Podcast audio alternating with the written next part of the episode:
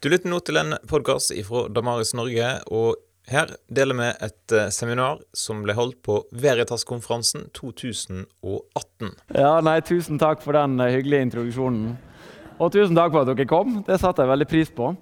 Dette er på en måte en urpremiere eh, på et seminar som vi i laget har eh, jobba med. Dette er en slags urpremiere, da, så vi, vi, skal fortsatt prøve å finne rette formatet og rette innholdet. Sånn, så jeg vil sette veldig pris på i løpet av den tida dere er nå, at dere også kan komme med tilbakemeldinger etterpå. Hva tenkte du var veldig viktig i det seminaret her som du hørte, og hva tenkte du var kanskje ikke så viktig?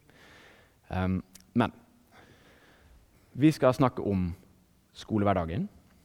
Vi skal snakke om de unge sin skolehverdag. Og alle her inne vil jeg tro har gått på skolen. Og noen her inne har kanskje barn som går på skolen. Noen av dere tenker kanskje at i framtida skal de bidra eller få et barn som skal gå på skolen. Som betyr at vi står alle overfor på en eller annen måte skolen som en arena. En selvsagt arena som vi må forholde oss til. Og uh, vi står overfor noen avgjørende spørsmål som kristne i forhold til hvordan. Um, hvordan behandles skolen? Uh, det at det finnes kristne der. Hva formidles om det kristne livssynet i skolen? Og eventuelt hva andre typer tenkning og livssyn er det som formidles, som oppleves konkurrerende eller kanskje krevende? Vi skal bare se på både det sosiale aspektet ved det her, vi skal se litt på læreplansaspektet ved det her. Uh, og um, prøve å forstå noen av de utfordringene som skolebarn lever i. Jeg jobber i laget, og vi jobber primært med ungdomsskole og videregående. Og så jobber vi mye med studenter. Så det er mye det sjiktet jeg kommer til å relatere til. Når det er sagt, så har altså jeg egne barn. Og når du har egne barn, så er det akkurat som om følelsesspekteret ditt vokser eh, noen sånn tommer. Du, du, får enda dypere dybder, f.eks. hvis du holdes våken mange netter på rad over lengre tid, eh, av følelseslivet ditt. Og du får enda høyere høyder F.eks. når du kommer hjem og blir møtt med en bare uforbeholden omfavnelse av den lille pjokken, og du erfarer en kjærlighet uten ord, men med en handling som du bare ikke har opplevd på samme måte tidligere. Så vi sier det, det å bli forelder er en nydelig opplevelse. Og så er det en opplevelse som er ganske fryktinngytende. For når du har blitt ansvarlig for å bringe et barn til verden, som en jo tross alt må ta på seg ansvaret for sjøl da er du også ansvarlig på mange måter for at det livet her skal få lov til å vokse og utfolde seg, men også måtte stå overfor ganske mange vanskelige valg og ganske mange utfordrende situasjoner. Og du løper risikoen når du har valgt å sette barn til verden og vært så heldig at det gikk an. Så løper du risikoen at du også kan få barn som velger helt andre ting enn det du sjøl har gjort og som velger å gjøre ting som du i utgangspunktet tenker at er galt eller vondt for deg. Ikke minst når det kommer til troa. Ikke minst når det kommer til det å være en kristen forelder som har barn i en verden som i økende grad kalles sekulær, altså ikke kristen.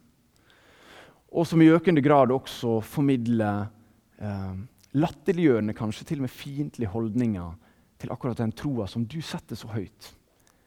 Nemlig det at vi har funnet vår menneskelighet, og vi har funnet oss sjøl i det at Kristus har sett oss. Og den hjertenøden en får for at barna må få lov til å gripe det her, den er noe som alle foreldre kjenner på som er kristne. Og vi kjenner på det fra de blir født, vi kjenner på det i første dagen du avleverer dem i barnehagen, jeg tipper foreldrene mine kjente på det den dagen jeg gikk på første skoledag i England på offentlig skole som åtteåring. Og jeg kunne knapt et fnugg med engelsk.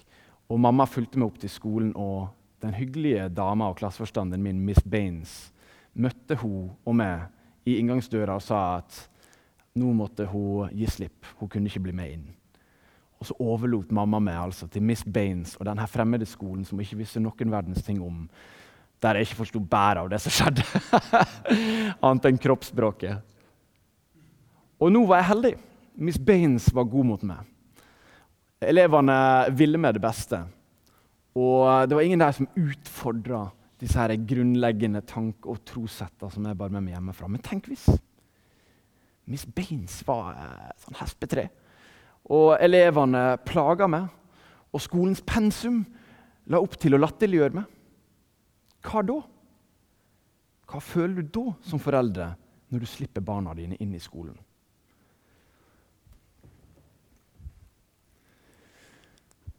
Livet går sykt fort. Det illustreres veldig godt med disse her bildene. her. I det ene øyeblikket ligger ungene dine i senga di, og det er det største naturlighet knytta til det. Og så kommer det et øyeblikk der det er ingen naturlighet knytta til det. og de helst ikke bør ligge i senga di. Og de reiser ut, blir selvstendige. Og jeg syns Trygve Skau sier det veldig fint. Det som mange omsorgspersoner og foreldre kan kjenne på. Det her ønsket for barnet sitt om om jeg bare kunne gjøre det skuddsikker, gjøre sånn at alt ble trygt og bra, og du fikk stå på scenen og alle sto og klappa. Jeg syns jeg synger det helt nydelig, for det er akkurat sånn som jeg føler. Du ønsker bare at barna dine skal ha det aller beste. Og så lever vi i Norge i 2018. Og vi er heldige som gjør det, tenker jeg. Masse privilegier med det. Og vi lever i et godt samfunn. Vi har masse velferdsgoder og mange ting å være takknemlige for. Og vi har først og fremst frihet. dere. Vi har frihet til å kunne tro på, utøve og tenke som vi vil. Og vi har også frihet til å kunne ytre det.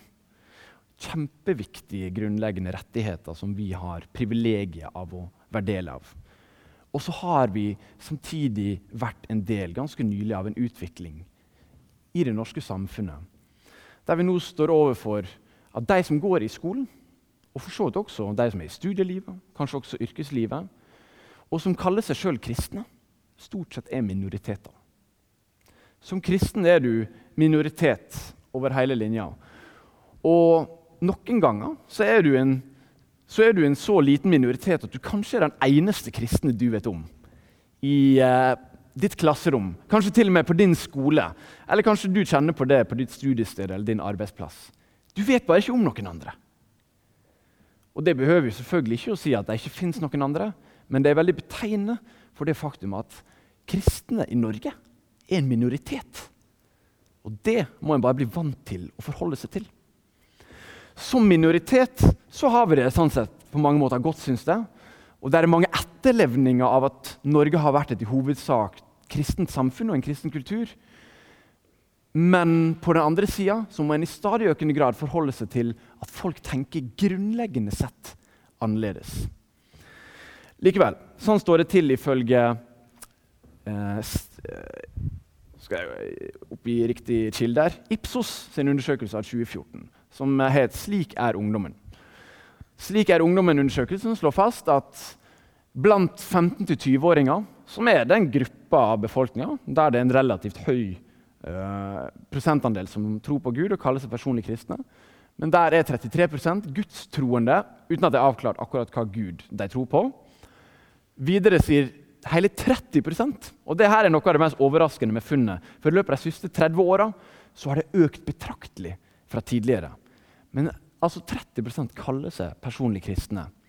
Og så står vi samtidig overfor et ganske viktig spørsmål i møte med en sånn statistikk. Hva betyr det?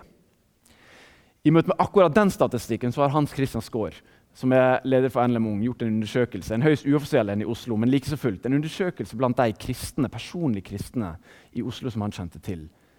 Og det viser det at Blant disse som da kalte seg personlig kristne, så var det tilnærma 100 som også sa at ja, alle andre religioner kan også være sanne.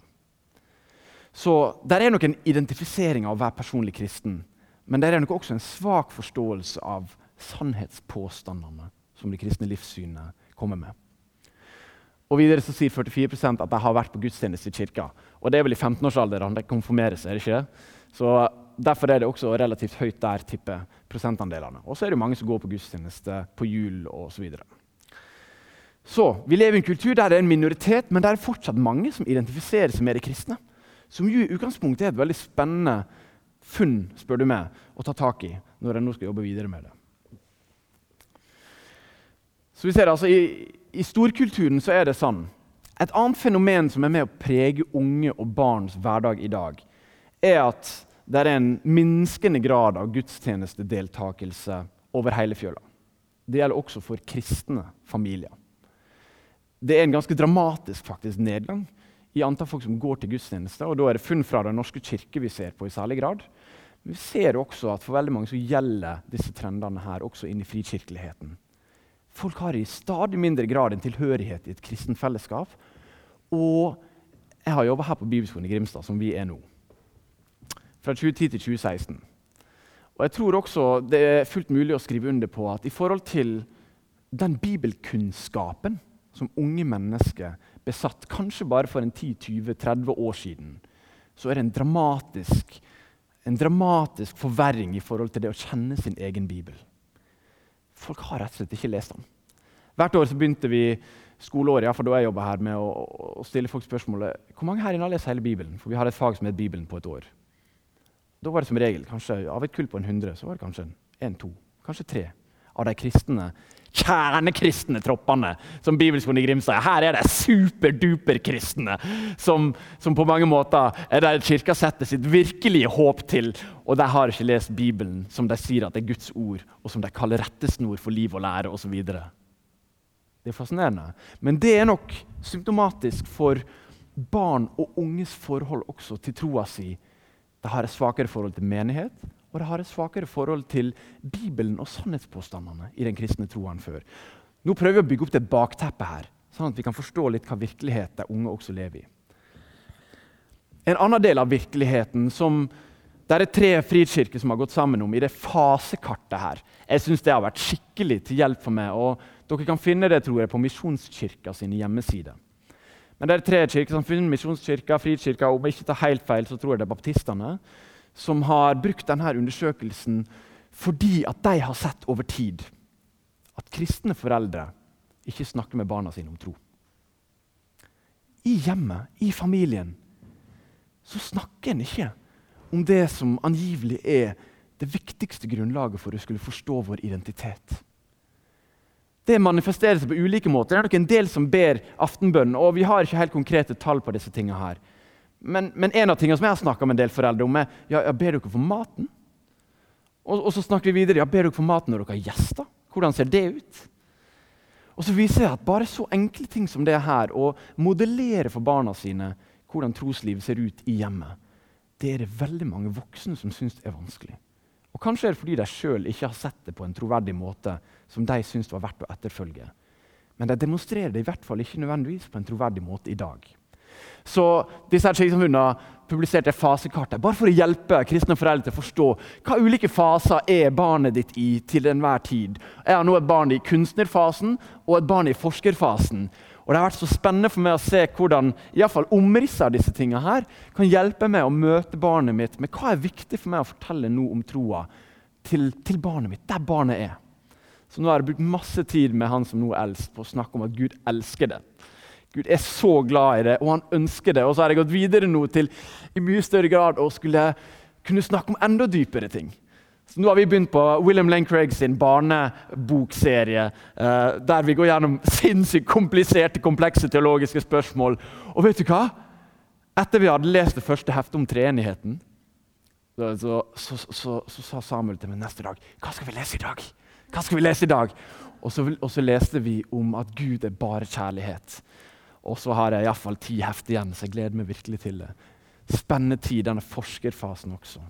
Men altså, vi sliter med at kristendom i minskende grad har innflytelse og er en minoritet. De som kaller seg kristne, går i minskende grad i kirka.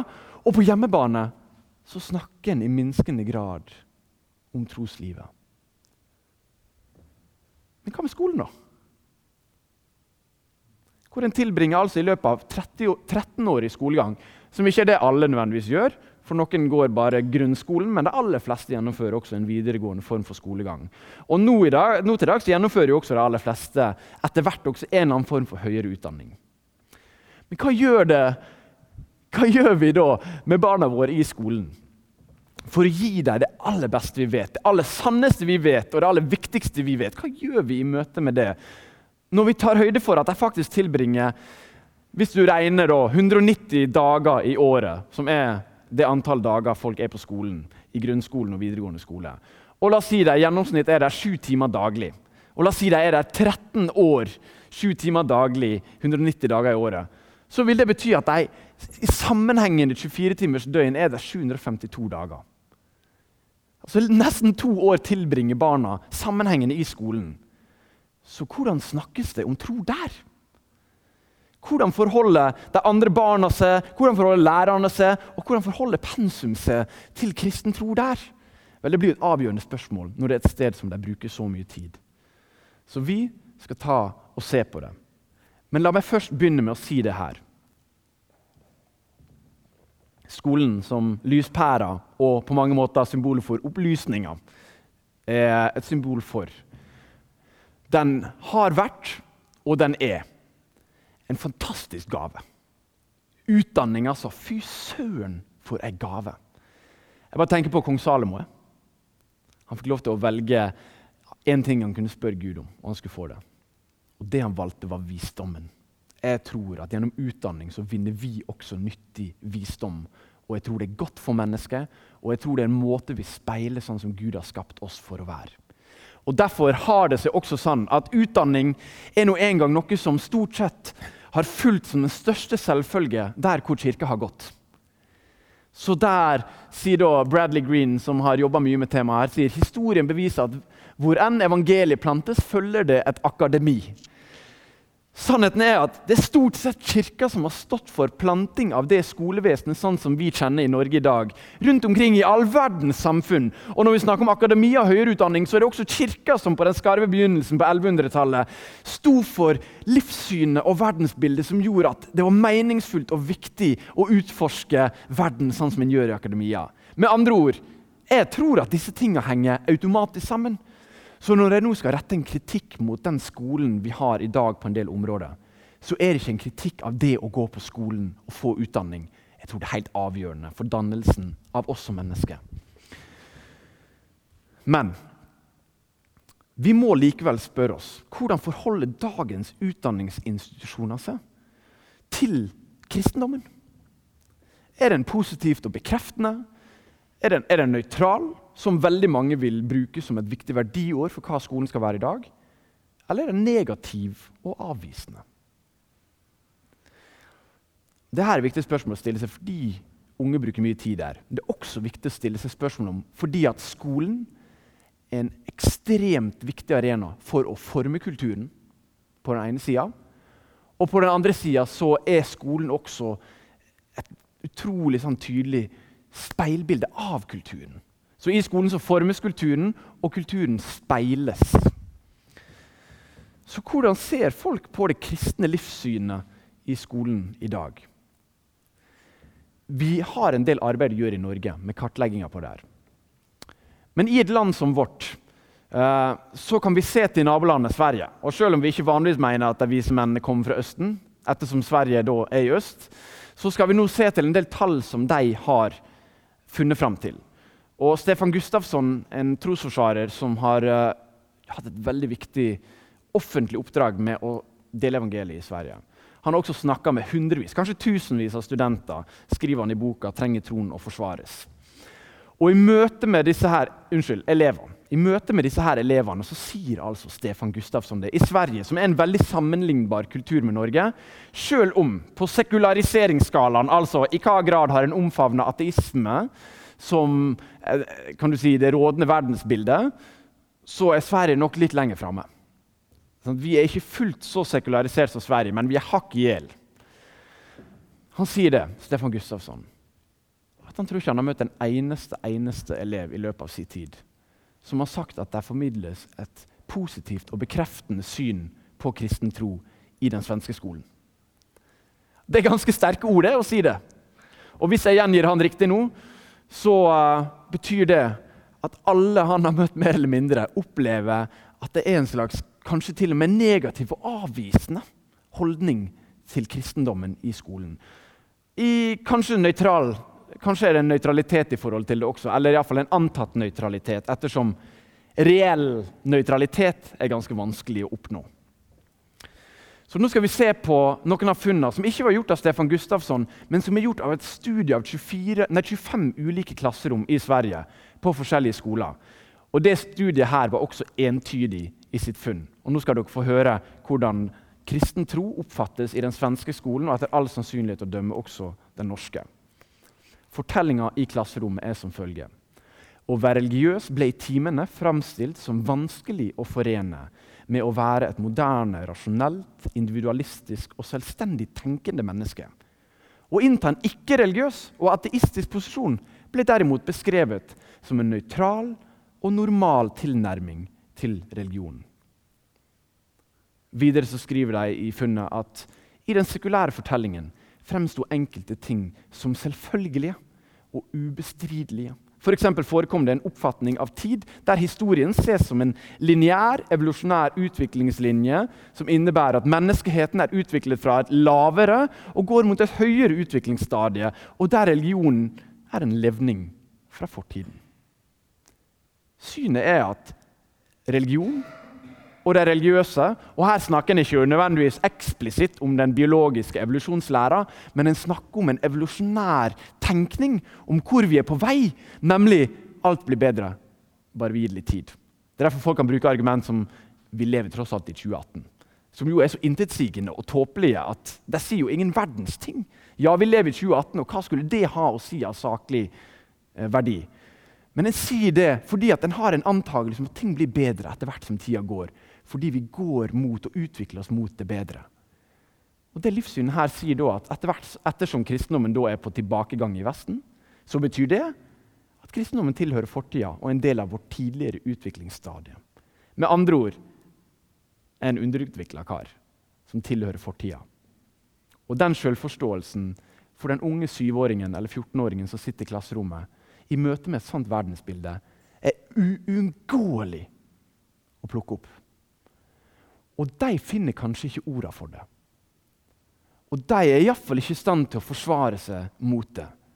Men det her gjør noe med dem. Det gjør noe med deres grunnleggende forståelse av, som vi lærer i tredje klasse i Norge på barneskolen, av religionens rolle, nemlig å beskrive verden, beskrive mennesket og beskrive hva som er rett og galt. Det her forteller en annen historie enn den de lærer hjemme. Jeg vil vise for dere noen eksempel på hvordan det her i ulike fagområder gjør seg gjeldende. Og mens jeg deler disse eksemplene med dere, så ønsker jeg også å si at vi i laget har nå begynt et prosjekt med å kartlegge lærebokverket vi ønsker å gå gjennom alle bøkene i lærebokverket. og Det er et hårete mål. Derfor trenger vi også hjelp. Så hvis noen her vil bidra, eller dere kjenner noen, så tar vi gjerne imot hjelp til det. Men vi ønsker å gå gjennom lærebokverket for å avdekke det vi allerede finner trekk av i lærebokverket. Nemlig en konsekvent feilfremstilling av sånne ting som har med vitenskapshistorie å gjøre. Nemlig hva har Kirka vært opp igjennom? Hvordan har den forholdt seg til vitenskap? Hva er kristendommens bidrag? Og så La meg dele med dere noen eksempel på hvordan det her ser ut og er utfordrende. Og nå datt den ut. Har den vært ute lenge? Nei. Bra. Flott. Sånn. La meg dele et eksempel. med dere. Jeg husker utmerket godt naturvitenskapstimene fra videregående.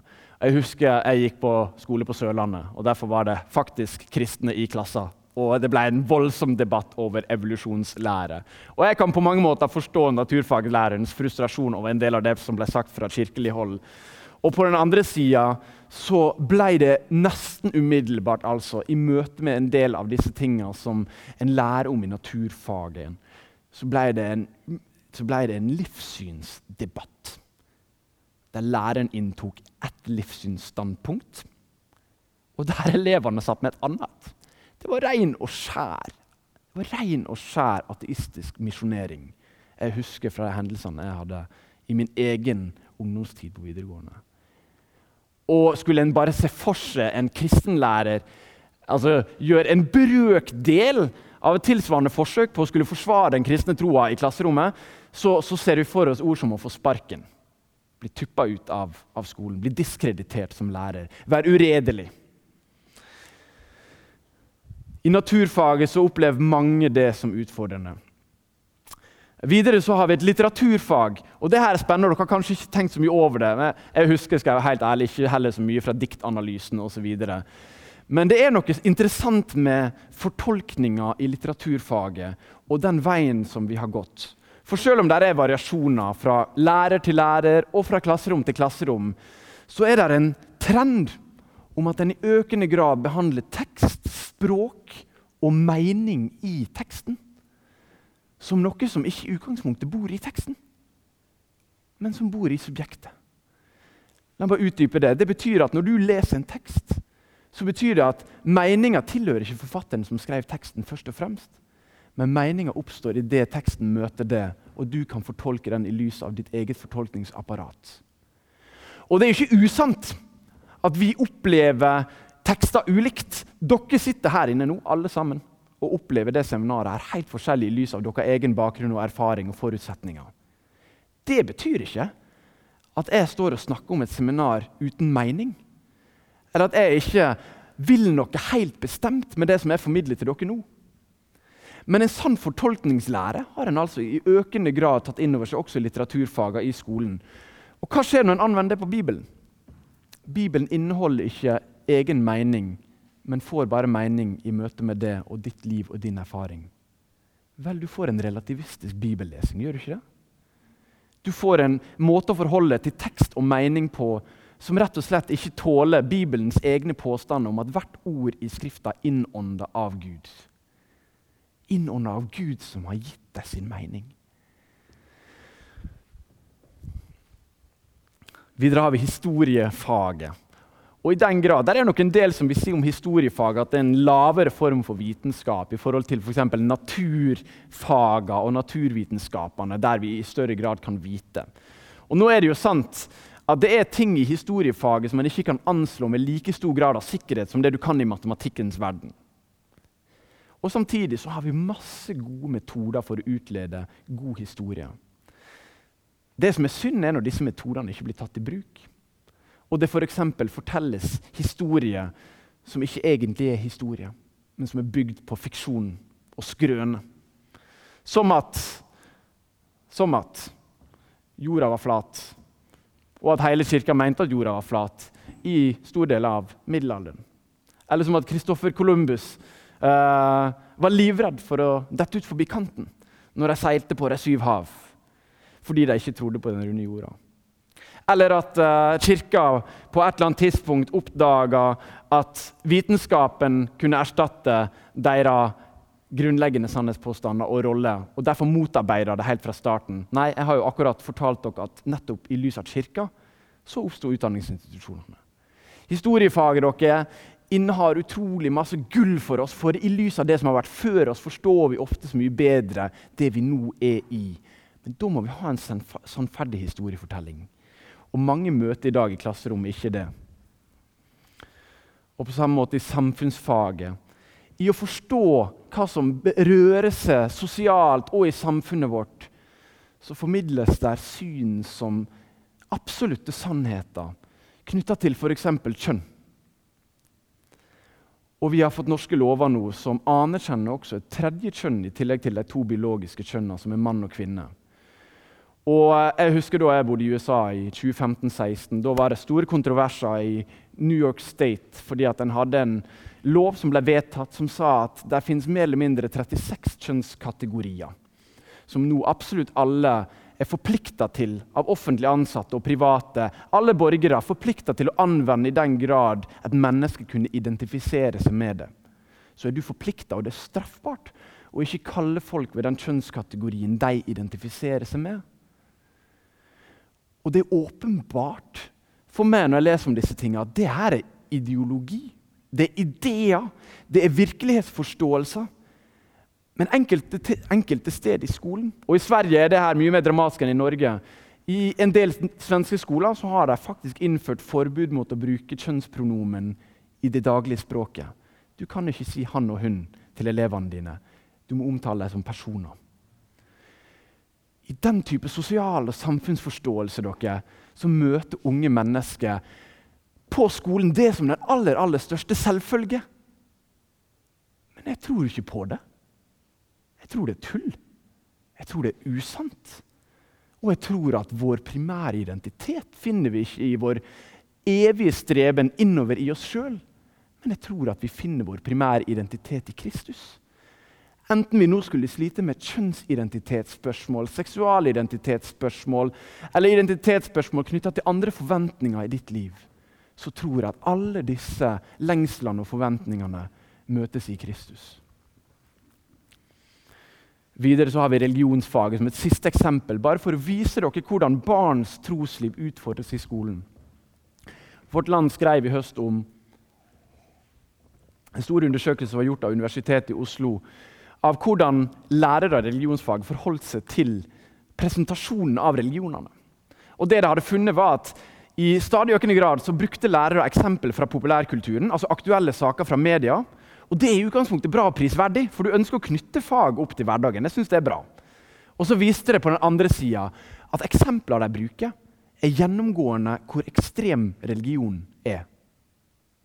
Hvor ekstrem religion er, og i veldig mange tilfeller hva negative konsekvenser det påfører samfunnet og individer som er gjenstand for det. Og så viser det at Istedenfor at en religionsfag bidrar til en større forståelse av religionenes egenart, og blir i stand til å skille eh, religionene fra hverandre og skille de hellige skriftene fra hverandre, så blir en snarere tvert imot mindre i stand til det. Fordi at en får svartmaling, en svartmaling av virkeligheten. En svartmaling av religionenes rolle. Det er interessant, det er ikke mine egne ord, men det som en, en finner i dette studiet, og Det viser oss at bare i møte med fagene, i møte med lærerne og klasserommet, så får elevene en kjempeutfordring.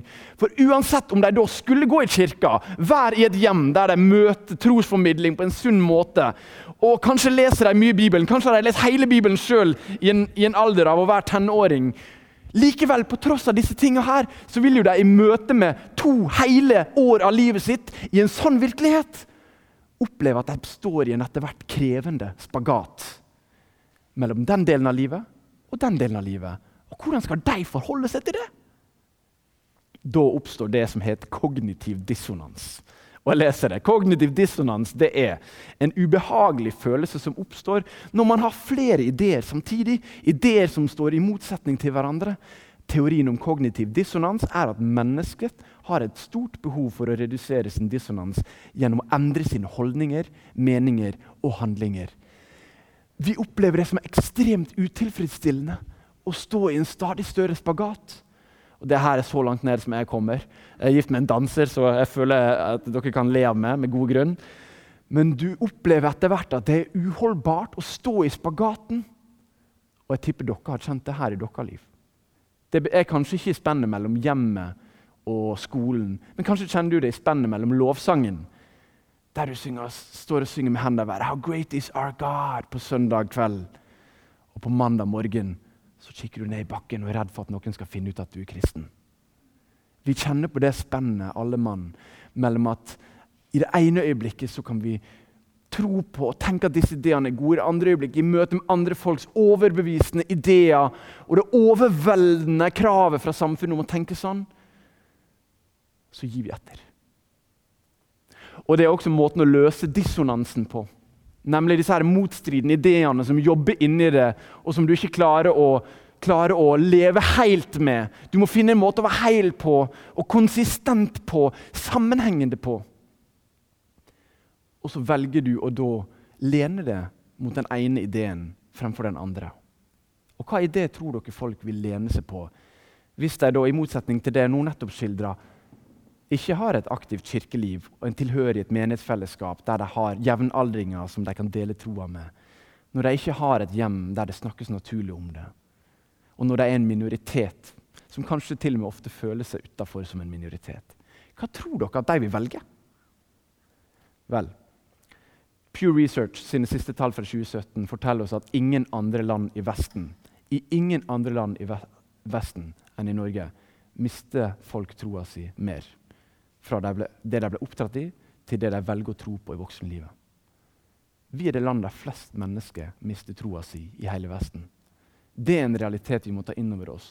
Veldig mye av det kommer av den kognitive dissonansen som mange erfarer. Og så er det mange som også oppgir at det er som følge av at de ikke har et troverdig forbilde som har vist dem hvordan det ser ut. Åh, som unge mennesker, barn og elever, så vel som egentlig studenter og yrkesaktive og arbeidsledige og voksne. Vi trenger noen å gå sammen med som vi kan se opp til og lære av også.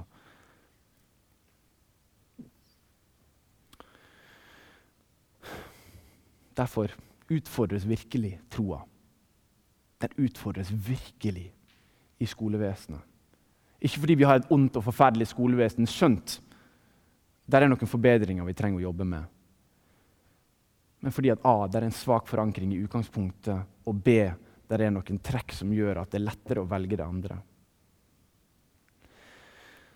Ja, nå har jeg lagt inn et eksempel her. Det tipper jeg skal flytte i, i, til neste gang jeg prøver dette seminaret. Men her er et eksempel fra et lærebokverk knytta til eh, hvordan religion fremstilles. Så da kan du bare få det. Det her undervises i religionsfaget på videregående eh, i første klasse. Det hadde tidligere vært Kirkens forklaring som besvarte spørsmål knyttet til natur, astronomi og menneskelig utvikling. Dette godtok ikke de nye filosofene og vitenskapsmennene. De mente at all kunnskap skulle ha basis i rasjonaliteten. Altså det som kunne forklares. Det var ikke lenger nok å henvise til liturgien eller til Guds vilje. Når det her slår fast som sant, så har du på den ene sida frelseren, filosofene og vitenskapsmennene, som tyr til det frelsende middelet, fornuften, og på den andre sida kirka, som har holdt oss nede, og som tyr til virkemiddel, blind tro, og som ikke lenger kan forsvares. Jeg mener, blir eksponert overfor det her, dere, så er det ikke så lett. Og som ungt menneske som ikke har noen forutsetninger til å skulle forklare seg, å stå opp for det du tror på, i friminuttet etterpå. Det er også en annen side ved det, det å være ung kristen. Og Jeg ønsker ikke å fortelle dere så mye om det. Jeg ønsker heller å vise dere en fireminutts video knytta til det. Nemlig den sosiale interaksjonen. Som kanskje er vel så viktig som det som undervises i klasserommet. som ingen husker bæret av uansett. Det som skjer etterpå eller underveis i klasserommet. Det som skjer mellom mennesker. Det har jo så mye å si. Og vi har så lyst alle sammen å være innafor og bli romma og ikke bli avvist. Og nå skal dere få se en video om hvordan det kan oppleves for en ung kristen det her å være i skolen. Følg med.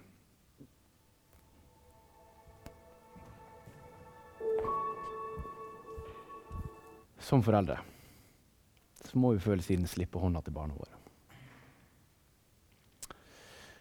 Og det kan være noe av det mest smertefulle en gjør. For en vil deg bare vel.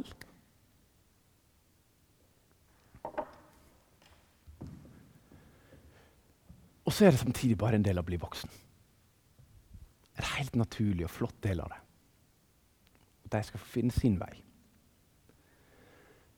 Men grunnen til at jeg jobber i laget,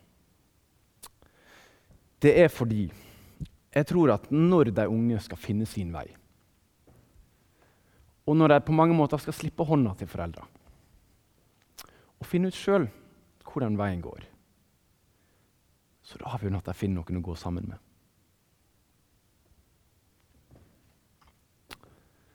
Og da er det også avgjørende hvem de finner å gå sammen med. Og derfor fins laget.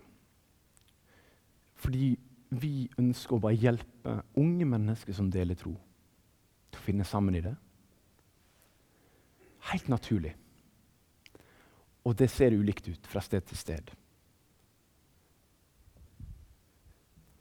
Og så tror vi videre at evangeliet ikke bare er gode nyheter for de som er oppvokst i kristne hjem. Men vi tror det er gode nyheter for alle elevene på skolen. Så vi ønsker også at unge mennesker finner sammen om det aller viktigste. Sånn at de kan få gi det videre. Og det bidrar dere til at denne kognitive dissonansen, som så mange opplever, og som, og som på mange måter tvinge en til et valg, det gjør at det valget enda mer naturlig kan falle på å følge Jesus der en er, fremfor å avvise Jesus som herre i livet sitt.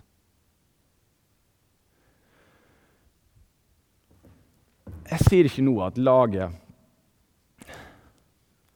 er svaret på alt.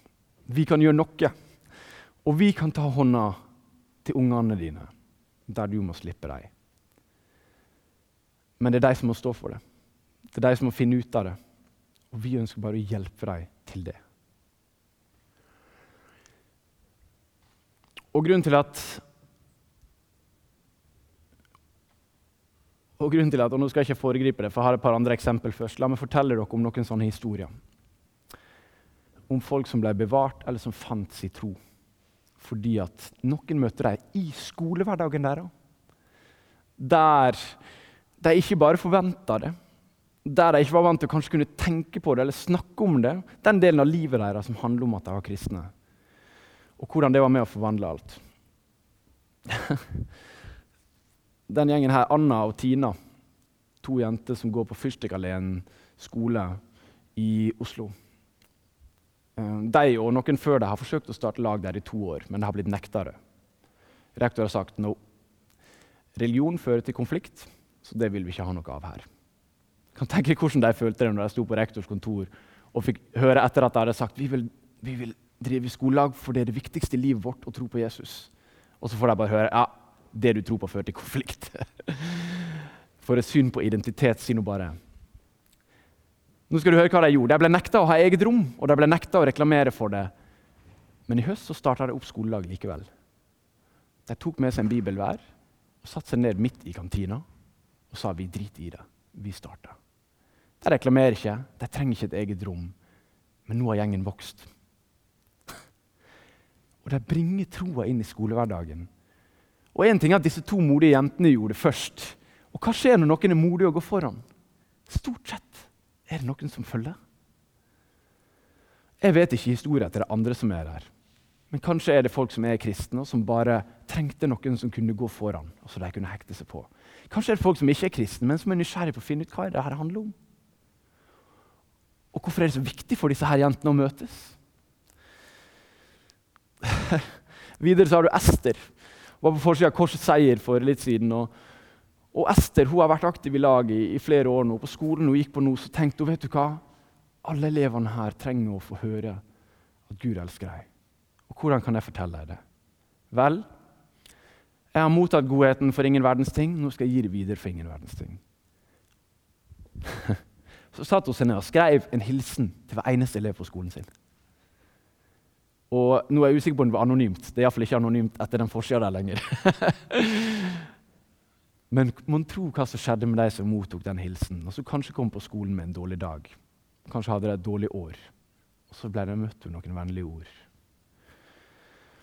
Eller gjengen på Danielsen Nei, ikke Danielsen. Unnskyld. De går nå på Amalie Skram. Men la meg trekke frem to av disse gutta. Amund og Joar. To karer som nå har begynt, eller de går på Amalie Skram, videregående. De er bare dødsfrimodige med å snakke om tro. På en skole der det ikke har vært lag på lang lang tid. I, i høst arrangerte de debatt mellom en kristen og en ateist på skolen. Det kom ikke så mange som kunne ønske, men de bare satt agendaen for skolen sin. Og før de begynte på Amalie Skram, så gikk de på en ungdomsskole der er fordi de skjønte at det de hadde lært hjemme, det de hadde med seg fra menigheten, det kan du ikke løsrive bare fordi det er andre meninger på skolen. Men det er med det som en del av identiteten din også der. De skjønte det, disse unge menneskene her. De greip det. Så det Amund og Joar gjorde, var at de sammen med resten av laget der sa vi skal ha bønnemøte hver dag, hver morgen. Så begynte de hver morgen å be for skolen sin. Og Der ble mange kristne i løpet av fjoråret. Og Det er spennende å følge med hva som kan skje i år.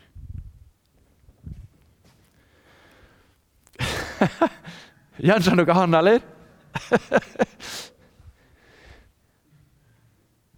Det er 15 år gamle meg. Jeg tror akkurat jeg hadde sett på The Matrix, og han er Nio hadde sånne kule briller. det er 15 år gamle meg.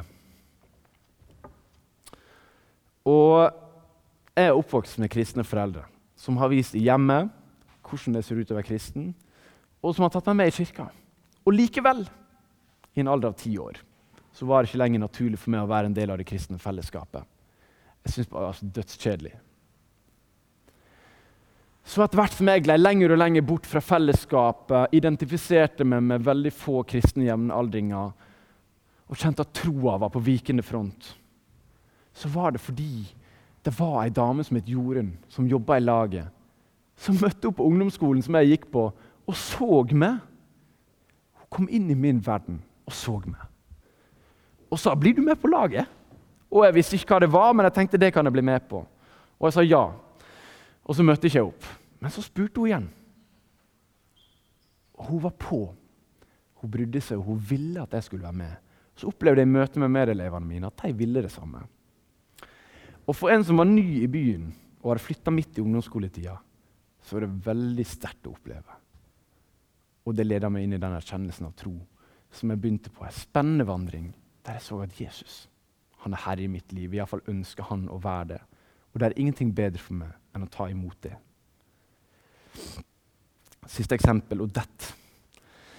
Odette kom til Norge, og familien hennes tenkte at i Norge er folk kristne. Fordi at Norge har sendt misjonærer rundt omkring i verden i bøtter og spann i løpet av det forrige århundret. Vi var den mestsendende nasjonen av misjonærer av alle land i verden i forhold til innbyggertallet i flere tiår. Så når de kom til Norge, tenkte jeg at Norge er et kristent land. Men Odette opplevde jo umiddelbart at på skolen i Trøndelag så er ikke nødvendigvis kristendommen som har rang. Og Etter hvert som hun kjente det, så trodde hun at hun måtte være stille hun, om kristendommen sin på Tiller videregående skole. Helt til hun møtte noen fra laget. Så fortalte hun og sa vet du hva? Du kan starte lag, og på den måten så kan du snakke helt naturlig om kristen tro. Og det var jo så enkelt som det var genialt. Altså, det er ikke noe hokus pokus. En trenger ikke engang å starte lag. En kan bare begynne å snakke om det. Men hun skjønte bare med en gang at ja, det må jeg gjøre. Nå ble hun også nekta av rektor, og så fikk de lov. og så ble de nekta, så fikk jeg lov, og så ble de nekta, videre. De fikk ikke lov av godhetsaksjonen fordi at godheten var religiøst motivert. Så irrasjonelt var avslaget. Men sannheten er at hun skjønte det. At når vi involverer oss i skolen og snakker naturlig om det som betyr noe for oss, da kan vi være oss sjøl.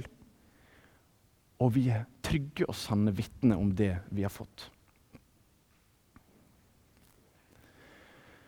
Jeg har sagt noe om hva laget gjør, og jeg ønsker å sende utfordringer til dere nå. Hva er det dere kan gjøre for at den generasjonen som nå kommer etter oss og skal være elever i skolen, skal få lov til å overta troa og bringe gode nyheter til sin skole? Vel, noen utfordringer er vær tilgjengelig for de unge. Dere, er en tragedie at mange unge i dag sier at de vet ikke hvem voksne de skal se til eller snakke med for å kunne få modellert et kristent trosliv, eller for å få svar på spørsmål som de har. Og om vi bare kunne be for skolene våre i alle menigheter i hele Norge. Hver menighet setter av en halvtimes bønnemøte for alle de 300 000 studentene og 500 000 eller hva det er, skoleelevene i Norge. At det bare bes for dem. Fordi det er så viktig den tida der. Det er det mest formative året av livet vårt. Det er da alt av verdisett og tanker osv. etableres som du skal ta med deg inn i voksenlivet, og som veldig mange bare ikke kommer til å endre i voksenlivet. Så vi bare ber for dem. Vi trenger som lagsbevegelse. Det er et stort paradoks at ettersom vi nå vokser som bevegelse og opplever masse gjennomslag, så har vi likevel en helt flat støttekurve når det gjelder både givere og medlemmer. Det handler jo selvfølgelig om kultur, og jeg tror mange flere som støtter lag enn de som materialiserer det på de måtene i dag. Men vi trenger folk som er å bære den bevegelsen her også gjennom økonomisk støtte. Og vi trenger voksenledere. Vet du hva? Det er så vanskelig å finne voksne en del plasser som bare har lyst til å gjøre en så enkel ting som å bare sørge for at skolelaget gjennomfører årsmøte og leverer årsrapport. Vi trenger voksenledere som er villige til å engasjere seg i skolelagene på et nivå som gjør at det er mulig for deg å ikke bare dø ut, fra generasjon til generasjon. La meg si det sånn, Lagsgenerasjonene er ca. ett år. det er da du har en gira tiendeklassing, og så flytter de videre. Og så kollapser gjerne alt. Hvis det er ikke er voksne som kan hjelpe deg, gå med deg og vær disippelgjørere. Vi trenger det så sårt. Og det har vært så spennende å se den bevegelsen her blomstre utover i menigheter i Norge. At de griper visjonen og vil ta del i den Sånn at den generasjonen som vokser opp nå, ikke skal vokse opp med en kognitiv dissonans som leder deg bort fra Gud, men en frimodighet på at Gud gjelder for hele livet. Og nå skal dere få se siste minutts video som inspirasjon, og hvis noen ønsker det, kan jeg stille spørsmål etter det. Flott. Og med det så er det tre minutter igjen nå til spørsmål for de som har det, eller innspill for den slags skyld også. Så uh, jeg står her og er disponibel. Men det er ingen tvang. Skole og, og skjønner selv hvis jeg en gang skulle få barn, så er det nesten sånn jeg har lyst til å bare sende, de- sende de der for å være helt sikker på at de Ja. Mm. Ja, Det er et godt spørsmål. og jeg, jeg forstår veldig godt behovet for å etablere kristne grunnskoler og foreldres behov for å ville sende barna sine dit. Og så er jeg redd for at i noen tilfeller, altfor mange tilfeller, tror jeg, at vi sender barna våre inn i den type ting fordi vi tenker at vi ikke har klart å utruste dem nok i menighet og hjem. Nærmest som et vikarierende motiv for å beskytte dem fordi vi ikke har gjort jobben. Er du med? Så jeg er redd det ligger en sånn proteksjonisme bak det. Og hvis det er tilfellet, da har jeg ikke troa på at den troa i så fall nødvendigvis kommer til å vare i møte med studielivet i neste omgang. Fordi at den smellen kommer før eller siden. Og når den kommer, så kommer den hardt. Så uansett, som kristne foreldre, så trenger vi å tenke at vi må lære opp barna våre til en robust tro som tåler at de er en minoritet. Så om de møter det i en alder av 6 år, eller om de møter det i en alder av 14 år, eller en alder av 16 år, eller en alder av 19 år, før eller siden vil de møte det. Og vi trenger å utruste dem for det møtet, sånn at de kan bli i stand til å være bærere av gode nyheter der de er. Men jeg vil ikke avvise kristne friskoler som overflødige eller unødvendige. Jeg ser virkelig viktigheten av dem. Og så ser jeg også de negative konsekvensene av at en da i den offentlige skolen støvsuger egentlig den for veldig mange av de mennesker som kunne vært gode nyheter for den skolen. Og Det syns jeg er en litt sånn lei effekt av det. Nå på skolen så gis det å være objektiv og uh, nøytral til alt av religion og kultur og sånn. Hva tenker du om hvordan kristne lærere skal møte kristne ungdommer og unge på skolen? Du skal være i et, et, samfunn der du må være objektiv, hvis ikke så blir det debatter og styr. Jeg tror også det er viktig at skolen skal formidle så fremt det er mulig, objektive sannheter. Det tror jeg virkelig. Jeg tror også at en skal være nøytralitet eh, med tanke på at en ikke skal drive misjonering for det ene eller andre livssynet i skolen.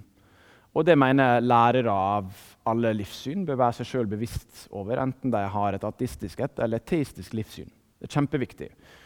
Og så er det altså ikke sånn at lærere likevel skal bli sterile, ikke-eksisterende mennesker det er jo nettopp den type lærere vi ikke ønsker å ha i skolen. Vi ønsker lærere som er engasjerte i samfunnet, som er aktive, som har egne meninger og tanker, og som er i stand til å involvere seg med andre mennesker sine liv.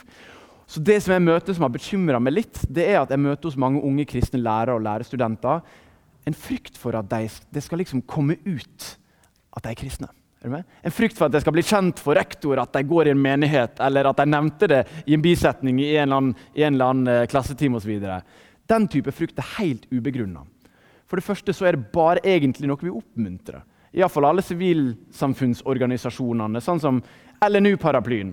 97 barne- og ungdomsorganisasjoner i Norge er helt enig i at laget skal ha rett på å være på skolen. Så det er en, det er en brei enighet på veldig mange måter om at folk skal kunne være seg sjøl. Men det er ikke nødvendigvis å misjonere. Det er jo bare å representere en helt vanlig menneskelighet. Og så må en kunne svare på spørsmål. Så betyr at Om en lærer får et spørsmål om sin tro, så er det helt naturlig at du skal svare på det spørsmålet. Selvfølgelig er det det. Så jeg tenker vi har en jobb å gjøre i rolleforståelsen. Og der jeg opplever at kristne lærere i særlig grad er mer restriktive enn lærere fra andre tros- og livssynssamfunn og tenkninger. Det syns jeg er veldig dumt, og det er en misforstått nøytralitet. da. Og så tror jeg det er viktig at vi er klar over også at Hvis vi skal snakke om at vi er kulturelt nøytrale, så er det bare tull. Altså, I noen kulturer så er det kulturelt mer rett å ikke gå på skolen, men å jobbe for å forsørge familien. Så bare faktum at vi har skole, er en kulturell verdi. altså noe som, noe som vi tror på i vår kultur, men ikke nødvendigvis i en annen kultur. Litt flåsete sagt, er noen kulturer sant, så liker en å spise middag med naboen, i andre kulturer så liker en å spise naboen. Det, så det, det fins verdier som ikke fins i alle kulturer, og vi skal ikke behandle alle kulturer likt. Men jeg tror at vi har mange gode verdier i vår kultur som vi kan løfte fram. Og en av dem er utdanning. Den heier jeg på. Jeg vil bare takke for et fint foredrag og si at jeg syns det er veldig spennende det at dere snakker om å gå inn og se på hva som faktisk læres. Jeg tenker i hvert fall som meg, på meg som forelder så hadde det vært kjempenyttig. Og visst hva er det barna dere faktisk møter i timene, hva er det som står i naturfagsboka, i historieboka, For da har man jo på en måte muligheten til også å lage ressurser som gjør at vi kan snakke med barna våre om nettopp det. Dette her kommer du til å møte i skolen. Dette er grunnen til at det er feil. Og jeg tenker i tillegg også Hvis det er veldig feil, så burde det jo være mulig å kunne gå inn og prøve å påvirke og gjøre noe med det de som lager disse bøkene. Mm. Det står helt uriktige og feilaktige opplysninger. Jeg syns i hvert fall det er veldig spennende at dere skal se på. Mm, takk for tilbakemeldinga. Det håper vi å publisere til sommeren. Og den vil være retta til lærere og foreldre med samtaleguider. Men all forankringa skal skje i folk som er fagpersoner innenfor området. Og som skal korrigere det på bakgrunn av sin faglighet. Og Det er det som gjør det så spennende også, for det skal ha en faglig troverdighet og en allmenn anvendelighet. Og jeg tror det kommer til å bli et kjempeviktig arbeid og banebrytende. Og kanskje kan det være med å prege hele bokrevideringsprosessen som nå foregår med lærebokverket i åra fremover. For alt det skal byttes ut, eller iallfall forbedres. Da. Så det er spennende å være inne som endringsagenter i den tida. Og jeg er glad for at du ser og anerkjenner det og sier at det er interesse for det. For det er jo noe av det vi er spent på. Vil foreldre ta det her i bruk? Så takk for det. Da er tida omme, og tusen takk for at dere kom hit, selv om John Lennox er der nede. uh, og så setter jeg veldig pris på tilbakemeldinger nå i løpet av middagen også, på ting som dere hørte og så i foredraget. Takk for meg.